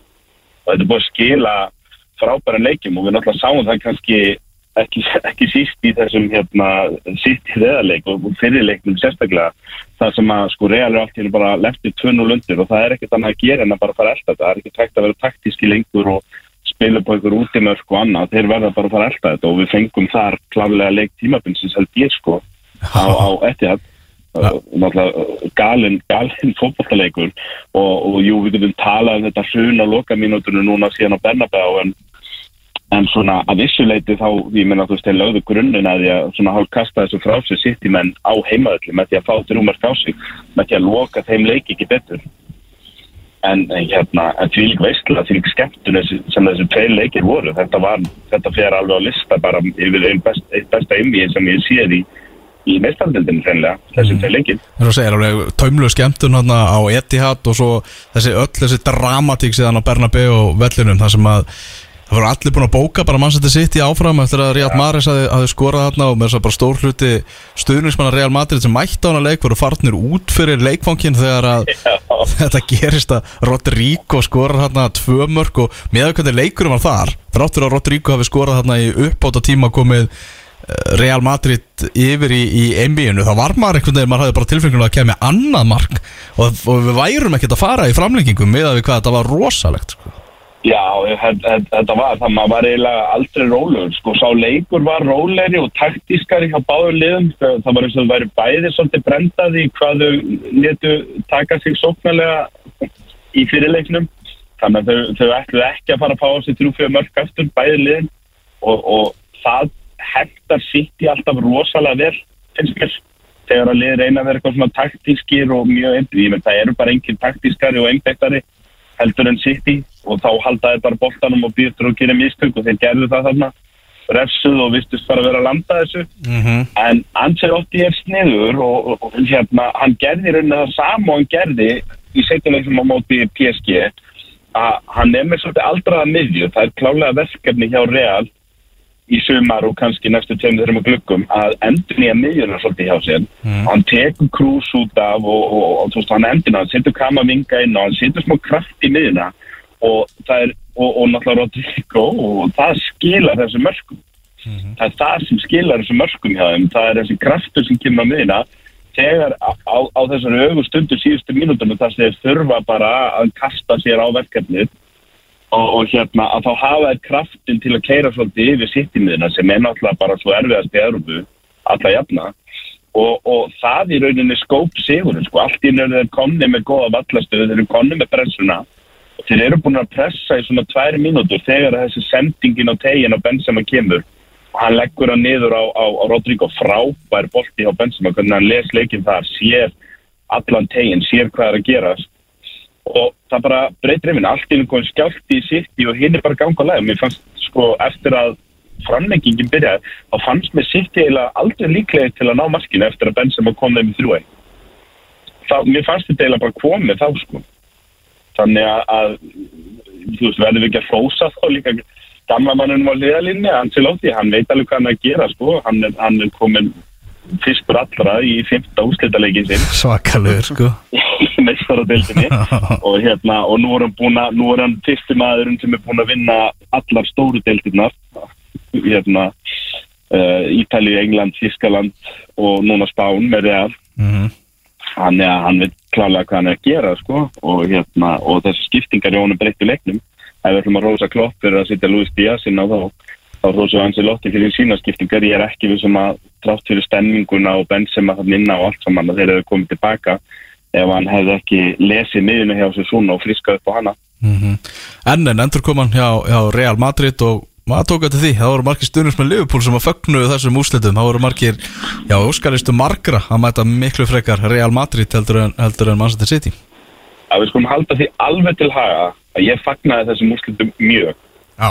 Þegar það var næstu því kampaðisflaska það er að þeirri einföldu ástæðu að Leopold hefur spilað úslítalegi í mestarbeld og unnið á og Leopold hefur spilað úslítalegi í mestarbeld og tapaði. En ég get ekki tilugsunum að Liverpool verði liðið sem tapu úslítalegnum sem færi sitt í lóksins þess að dollu þeir frá þess að dollu svo heitt. Og það er svo fyndið að enn eitt ári skuli líða án þess að City og PSG geti keikt sinn mestarbeldina þetta er svo fyndið maður bara, þú veist, ég hugsa um þetta þegar ég að morgumatinn þessa dagana sko. Og hérna, og, og þú veist, það var bara það fyrst og fremst, ég hefur líka tapað úslítalegjum gegn Master City á Englandi í Delta-byggar og einhverju en, og tapað, tapað, hérna, tilbaratum og bla bla. En að tapa úslitum meistaradeldarinnar, Evrópu, Liverpool að vera liðið sem að þarf að horfa á stand út á vellu og horfa, ég bara meika það þannig að, að veist, það er engin að fagna þessu að því að menn halda eitthvað að Real Madrid séu, séu auðveld bráð í úslitum, það er engin þar og, og ég bara frábið með einhverjum fjölmilar eins og Thomas Tóru og Elva Keil það er um að gera sér þannig matur þessi, ég er bara að vísa þetta úr því. Það var gaman að það með Jamie Carragher sem var Byrju, hvað, ég, hvað varst að bylla núna? En við séum að hvað?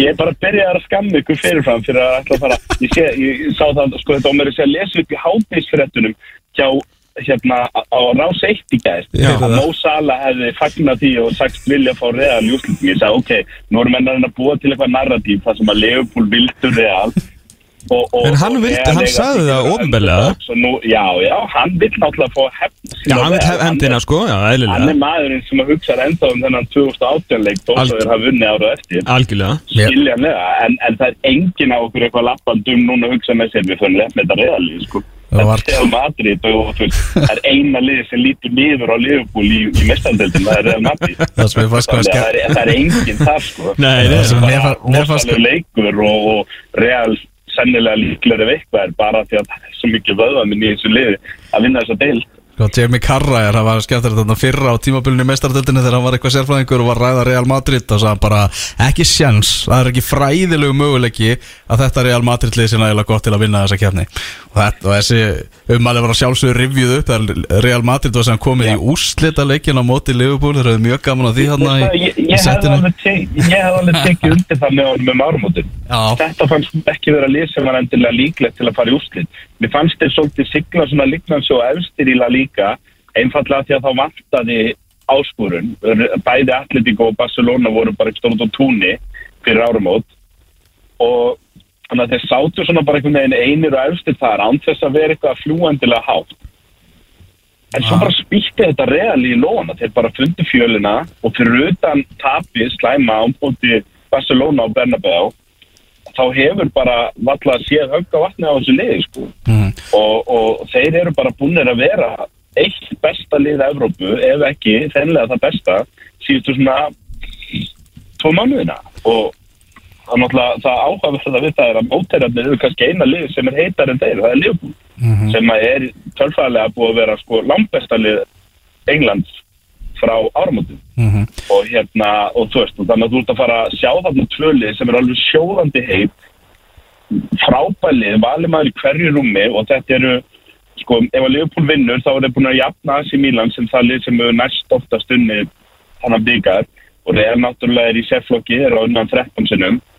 Og ég meina, hvað viltu, hvað viltu meira? Það hefur verið, ég segi það bara fyrir mitt leitu, það hefur ekki verið nærri spennandi líka öruglega fyrir hlutlösa menna að ætla að horfa á Liverpool Manchester City spila einu sem ennar, allir út í döð þreyttur á þessu það eru að fá bara Liverpool og Real Madrid og megi bara betra liði vinna þetta, þetta verður bara, ég get eiginlega ekki ímynda mig hvernig það hefur verið hægt að spilla upp betri úrslutaleiki mestardeldinni á þessi tvöli á þessum tímapunktu á þeirra tímabili eins og þau eru að spila Mhm. Sala á móti Benzema og ég meina það er bara hægt að marka sér þetta á alla veginn Mhm. 28. mæ, það verður úrslega leikurinn á Stade France en aðal umræða núna bara á samfélagsmiðlum á Twitter og annað menn en hafa gaman að því að beina spjótunum að Pep Guardiola, hann sparkaði eins í, í hann eftir, eftir þetta tap.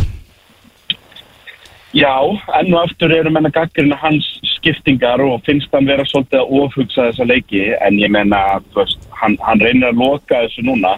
Fyrir mér þá fannst mér skiptingarna hans í þessum leik litast af fyrirleiknum þar sem hann var, hann lokaði þeim leik ekki nóg vel og nóg snemma kannski og fekk það í hausinn, real mikkaði munin og gerði þetta inn í eftir. Hér er hann búin að setja Fernand inni og inn á og er að reyna að loka þessum svolítið og þjætta svolítið og hann fær það í hausinn En ef hann hefði lokað þessu haldið eitt nút af Bernardo þá væru við öll aftur að tala um hans snilling í dag. Þetta er náttúrulega bara rosalega grunt þarna á milli og það sem að einkennir þessa bestu stjóra hvort sem hann heitir Guardiola eða Carlo Ancelotti eða, eða Jörgen Klopp eða Unai Emery er það að þeir eru oftar en ekki að gera hlutina sem að borga sig. En það kemur náttúrulega fyrir að þessi gæjar fá af og til innafskiptingu í hausin eða eitthvað svoleiði sko. Og, og hann var náttúrulega bara líka að spila móti öðrum snillingi þarna, hann spila skáka á hliðalinni og Ancelotti kom með mótspil og, og sá við honum.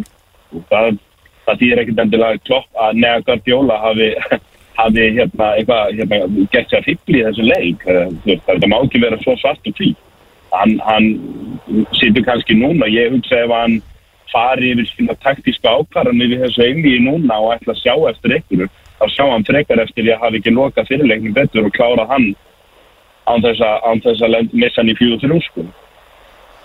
Já, svo náttúrulega þessi eiginlega narratífa um hann og, og Messi ekki unnið ánans Já, já, þetta má, ég er alveg loða ykkur, þetta liggur á honum. Það, þetta bara þegar þú vangst þessa titla með Lionel Messi í liðinu og hefur ekki unni síðan og þrátt fyrir að hafa verið með þetta bæjanlið, þetta ógulega bæjanlið sem að þjálfarinn á undan honum og eftir honum unnu titili með mm og, og hérna mestarblendina og, og, svo, og svo núna þetta sittilið sem að eyður alltaf langt mestu og, og á að vera í rauninni búið að vinna þetta. En maður hugsa núna áratöð eftir tíman þetta lið á að vera búið að vinna en titil einu sinni. En það er bara, það er eitthvað það sem aftar upp á hvort sem það er andlega, hvort sem að menn verða stressaði þegar þeir eru komni langt að því að pressan er svo gífulega, það vita allir að eigendurni brenna alveg fyrir því að tá þennan titil í hús. Og, og, og ski- þú veist, deildin skiptir ekkert jafn miklu máli fyrir þá eins og þetta. Að hérna ég veit ekki, það, þetta er náttúrulega gríðalegt álag, sko. Stan Collymore fór uh, hann fór helviti langt með þetta, sáttu það? Nei, ég mista því. Herru, hann Já, verður ekki hann að setja en hann hefði farið uh, ansi langt. Hann hérna var að tala sérst um uh, um, já, sérst um, um hérna Pep Guardiola. Já, að spyrja að segja hérna 11 ár síðan að Guardiola vand mestardildina þráttur að hafa eitt uh, triljörðum uh, Klopp vann Champions League að Europakjæðinu meistralega tvisasunum á 12 mánuðum. Bob Paisley vann þrisasunum á 4 árum. Sítan þrisasunum á 3 árum. Og Klopp getur núna unnið tvisasunum á 3 árum. Uh, An almost impossibly bad record for the spend but hey, someone will still spin it as he is the genius. Svo held hann áfram og segir sko Pep Guardiola is a very good manager. Uh, Hann vann Champions League tvisar með Messi á píkinu sínu. uh, Vann uh, deildina í þremur öru löndum með þremur ríkustu klúbunum uh, Leikstílinn, þetta er bara Ajax leikstílinn á modern tempo Ekkert sérstætt við þetta. All time great, held nú ekki pund fyrir pund er þetta ekki einn af topp 20 þjálfurum sögunar Já, ég, ég er ekki sammála um Nei, þetta er alveg kjáftæði sko. Þú veist maður bara rólegur sko. Hann, hann er að búa til, til ágættis samtal þarna, það vantar ekki. Nei, nei. En hérna, sko, eins og ég segi, ég, ég er allavega ekki þar. Það má alveg gaggrina Gardiola og það má alveg sitja hér og segja að þetta eru ástæðunar fyrir því að hann er ekki besti stjórin í heiminum í dag. Og ef þú vilt á setja hvort sem það er Klopp eða Ancelotti eða hver það er sem þú setja ofar og hafa hann tó kannski þriðasæti eða fyrir utan topp þegar á og vera umdeildur eða eitthvað, ok, gott og vel. En það er ekki það með sagt að þetta sé einhver trúður sem veit ekki hvað hann er að gera Einmitt þetta er ekki það svart og hvít og, og, og fyrst erum bara að Collymore sem er náttúrulega fyrir um Liverpool leikmaður og slíkt Auðvitað. þá sagði hann það líka í gæri að ef að Liverpool myndi klára ferðuna þá er það ekki jafn impressiv og þegar að United tóku þrennuna 1999 þannig að Stan Collymore veit voðalega lítið um fólk við skulum halda því til að Vantar um eitthvað að vinna kolimóra eða? Það er eitthvað að reyna hún vantar aðtikli, það er alveg ljóst. Það er alveg ljóst sko. Það er nokkuð löst Þarna, má get bú, veist, við, við getum ekki búist við því að Manchester City mæti eitthvað sært í úrvalstildarbaróttuna úr, úr þessu áfallega á móti Real Madrid? Nei, ég, ég nenni ekki einu svona pæli sko. Það sýtti ég er að fara að slátra þessum síðustu fjóru leiki. Ég var að skoða leikjaplani á þeim og ég var eitthvað að hugsa með mér ka, kannski hérna heimaleikum gegn Aston Villa Steven Gerrard og svo bara nei, þeir vinna þessa fjóra.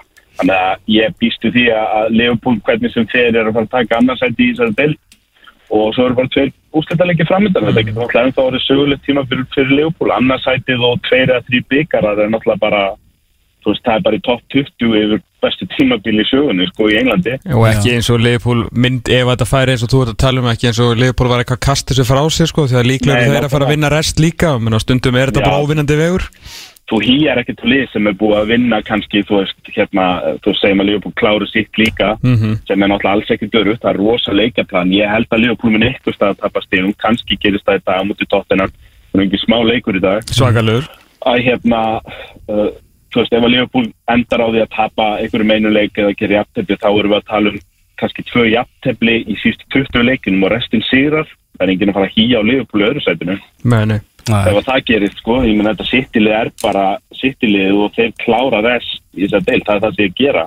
Það, er- það eru bara tvö, þrjú lið sem geta stoppað á í þessari í, í, hérna, í þessari deild. Og svo kannski Kristal Palas líka held ég, hefur maður rétt og það er mistúst að vinna þá í tveimur leikim Já, ég... það verið Palas, en eitthvað svona eitt ljótu kú sem hefur náða að stoppa á líka. Þetta eru útileikir gegn Úlfónum sem eru auðvitað semikonur á ströndina en náttúrulega geta átt þessa leiki þegar þeir verjast á hósisa og svo er náttúrulega þessi þessi vestamleikur, fyrsta vestam er ekki á leiðinni í Champions. League gegnum Europa League en þetta það er er samt kannski helst hann ef maður horfir á þetta útileikum gegn vestan en, en þú veist ég, ég ætla ekki að fara að sitja og, og með andan í, andan í hálsunum og, og, og vonast eftir eitthvað sko. ég held að klári þessa leiki sem þeir eftir.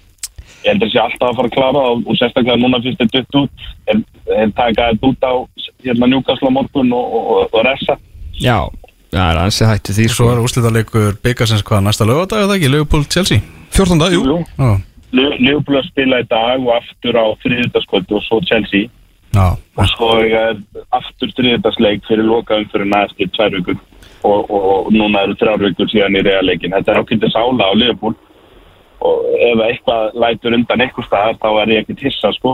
En, en ég er búin að segja það líka í mánuð það því að þetta álæði búið verið í gangi síðan í februar og þeir eru bara enda á ferskir og klokk er bara að rótera og, og núna, núna hérna núna gæti hann tekið tjóttast nefn út af, tók hann út af í háluleik þannig að hann og hann kannski ferskan í dag og mm.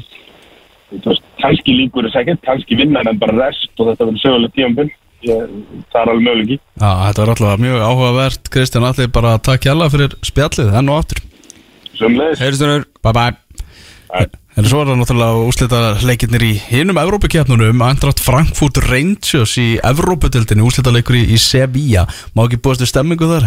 Ég held að við vægast að búast við stemningum þar Stemningin í setnileiknum hjá Rangers og uh, Rasenball uh, Leipzig uh, Rasenball Sport Leipzig var svo svakalega að blaðamenn og myndatökumenn gátt ekki unnið á uh, ekki Jú. heima, já að stúkan bókstála hristi svo mikið að það gæti enginn pikka og liklaborð eh, skrifað með penna sem sagt verið á kamerun. Já. en það var bara eitthvað mesta stemning sem að fólk hefur, hefur upplifað og, og hérna, ég held að uh, ég væri alveg til að vera í Sevíu hérna þegar að uh, skotarnir mænda Já. held ég að verði litla djúfussi stemningin maður? Ég var til í að vera í Tirana í Albani þegar sem að úslita leikur sambastildarinnar og okkar upp á skefni fer, fer fram uh, Náttúrulega fyrsti úslita leikur þessar nýju keppni og þar mætir Mourinho með sína menn í Róba náðu þarna að slá út Lester og mæta Feyenoord í úslitum og Mourinho grét þegar hann sá það að það var úslita leikur í sambandstildinni handa við hodni Já, eitt af besta sem við komum fyrir UEFA er að fá Mourinho í fyrstu útgáfu sambandstellarnar. Hann er bara búin að segja við fólk að þetta sé geggju keppni af því hann ætla sér að vera fyrsti maður til að vinna hana og vera þá eini maðurinn sem er unnið allar þrjár Európa sem er í gangi núna, ég held að hann ekki unnið er ekki í byggarhá sín tíma og hann vantilega bara þá aðstofmaður held ég, bara hjá Bobby Robson eða eitthvað mm. hérna, já þetta verður uh, fíli glukka að fá Mourinho til að auglýsa þessa deild sko. hann er búin að hýfa sambandstildina upp á nýtt plan sem er alltaf hjúts fyrir uh, íslensku liðin að fá að taka þátt í Mourinho-deildinni núna í sumar svo er maður alltaf bara óanast til því að hérna, að vikingur eða eitthvað lið bara fái Manchester United Já, Manchester United að tryggja sér sæti í sambandstildinni Svona hægt og rólega að fara langlegina með það með að vinna á, í dag. Það gætu náttúrulega endað í Evrópudeldinni sko, sem Já. að við náttúrulega erum við náttúrulega erum alveg orðinir afhuga þessar Evrópudeld Já, við erum sambandstildar við erum sambandsdeildar menn sko. uh, Herðu búið hérna tímabilinu, formlega tímabilinu lokið í eh, Championship-deildinni B-deildinni á Englandi. Fólum að Bormóð komin upp og Middlesbrough rann á raskatið, Luton vann þannig að uh, það er Huddersfield Luton og Nottingham Forest Sheffield United í undanúslunum mm Og eitt uh, sætilust uh, fjögurlið það að berjastu það í, í ennsku úrvarslildinni Já. Herðu, við ætlum að gera smá hlið og svo ætlum við að ringja upp á Skaga þar sem að styrningsmenn Ía, þeir eru búin að vera í stúkunni held ég bara síðan í morgun. Þú ert að hlusta á fótbolti.net á exinu 977 Fjórðanferð bestu deildarinnar hófst í gær þar FH Valur gerðu 2-2 jafntefli. Það eru fjórir leikir sem eru á dagskráni í dag, einn á morgun það er leiknir vikingur á morgun. E, í dag klukkan fjögur keflaði GPVaf 16.15, KRK og stjartan fram. En fyrsti leikur dagsins er, e, fer hins vegar fram á Norðuráls vellinum þar sem að Ía og Breiðablík eigast við e, eftir 14 mínútur og Sæbjörn Stænke er á vellinum. Hvernig er stemmingin á skaganum Sæbjörn? Það er bara virkilega fín stemning. Skamenn mættir snemma eins og þeir hafa gert núna í eitthvað móts og þeir eru búin að taka yfir stúkuna. Blikar eru vísu mætti núna og það er bara lítur allt út fyrir að vera bara þetta bæðið inn á vallar og í stúkun. Það er bara Ultras versus uh, Græna Pandan sem er í, í stúkunni og í að breyða blika Já. á, á vellinum sko. Akkurat þannig sko. þetta, verður, þetta verður eitthvað, hvernig er tilfinning þín fyrir þessum leik? Það bregðarblik vinni 2-0. 0-2, varst ekki greinlega búin að pæla eitthvað í þessu? Já, þetta er bara betur manna lið og þeir eru búin að fara þetta mót vel að við að kunna, kunna að vinna leiki líka án þess að vera með eitthvað sambóbótt á gerðugræs þannig að ég held þeir klárið í dag. Já, þá þeir eru óvinni neðarlega á possession listanum blikandir Já, Já. það Já, Tómas? Já, þú veist, það er, ekki, það er ekki bara það þeir eru bara svona fyrir utan uh, top 5 í ansi mörgum svona offensívum uh, tölfæra þáttum eftir, eftir þessa fyrstu leiki en það sem að uh, þeir eru, sko þeir eru held ég, ok, 5. sæti fleskót og marki þeir eru langt, þeir eru þessi ykkur 8. 9. sæti með snertingar sko inn á teig, þeir eru ekkit ofalega í krossum eða neitt, þeir eru bara með 50% 51% með boltan, eru það eru meðja deilsko, þeir eru búin að vera 60% með boltan núna undarfæri einn tvö ár sem Óskar Hrafn hefur verið með og þannig að það er alveg augljóst að hann er búin að aðeins að svona bakka aðeins velja sér greinlega betri færi fá, þú veist, þeir eru ekki að, að allan að byrjun móts ekki svona jafn mikið guns blazing sóknarleikur en þeir hafa verið að fá færin eru þeir að nýta þá, XG er fínt þannig að í staðin fyrir að vera að eh, svona gefa ykkur færi á sig eru líka að spila betri varnarleik aðeins minna með boltan en taka sér betri færi og vinna fótballaleikina Nákvæmlega, er það Sigur Strángleri út á þessu? Ég myndi þetta sé bara nokkuð spot on. Eh, Það er eitt í þessu kannski ég teki eh, eftir í staði móts. eh, Það er mikið talað um Alexander Helga í fyrra. Oliver er kom búinn að leysa hans stuð. Mér finnst hann eiginlega með, hann er ekki með sama hraða, ekki sama kannski kraft, en er með betri staðsýningar og verndar í rauninni vörnina betur. Ég er svona, teki eftir því í fyrstu umfyruna. Já, og er náttúrulega betri leikmaður líka sko Alls Helgi náttúrulega var eitt besti leikmaður breyðablís bara fyrir svona viku síðan sko Já, það kannski já. Hann var aðeins talaður upp, en hann var átti vissulega... Hann átti vissulega gott sumar en en það er svona, það þarf aðeins að setja smá verðingu á nafni á Oliver sko því að hann er í, í standi, er þetta hörku helvitis leikmaður sko. Akkurat. Talandum Oliver, nafnið hans uh, Oliver Stefánsson á, á, í byrjunleginu hjá Skamanum, veikur í síðustu umferð. Það gerir rosalega mikið fyrir þá að, að fá hann aftur. Já, ég, hérna, ég get eiginlega ekki beðið eftir einnig svona statement tæklingu frá honum og fá hann lífi í dag. Það virkaði vel síðast hann mun örgulega bara strax á fyrstu mínútu taka þessa taklingu til að byrja þetta bara vel sko. Það væri ekki leiðilegt, ég veit ekki ná. Hvað er svona að býta og brenna í blaðmanna hérna, lengjunni hjá skaganum?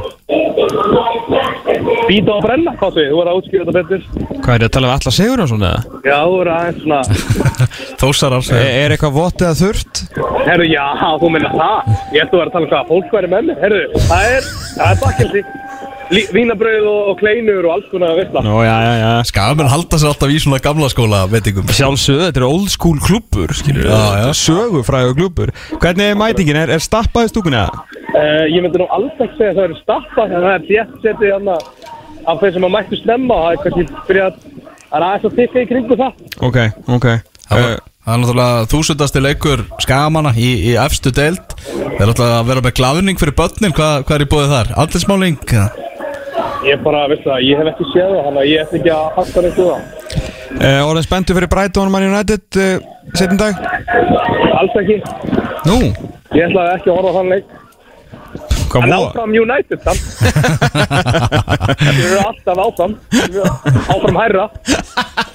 Áfram herra alla leið Sæfi stænka á Norðurálsvellinum þar sem ég og breyðarbleikar að mætast eftir tíu mínútur þannig að ef þið ætlaði að fara á þann leik þá erum að gera að leggja stað eh, þið snarst Akkurat. Það er þennan stokkar. Ég var að hlusta okkur á leiðinni. Það er 20 örstustu leiðrýttingu hodni.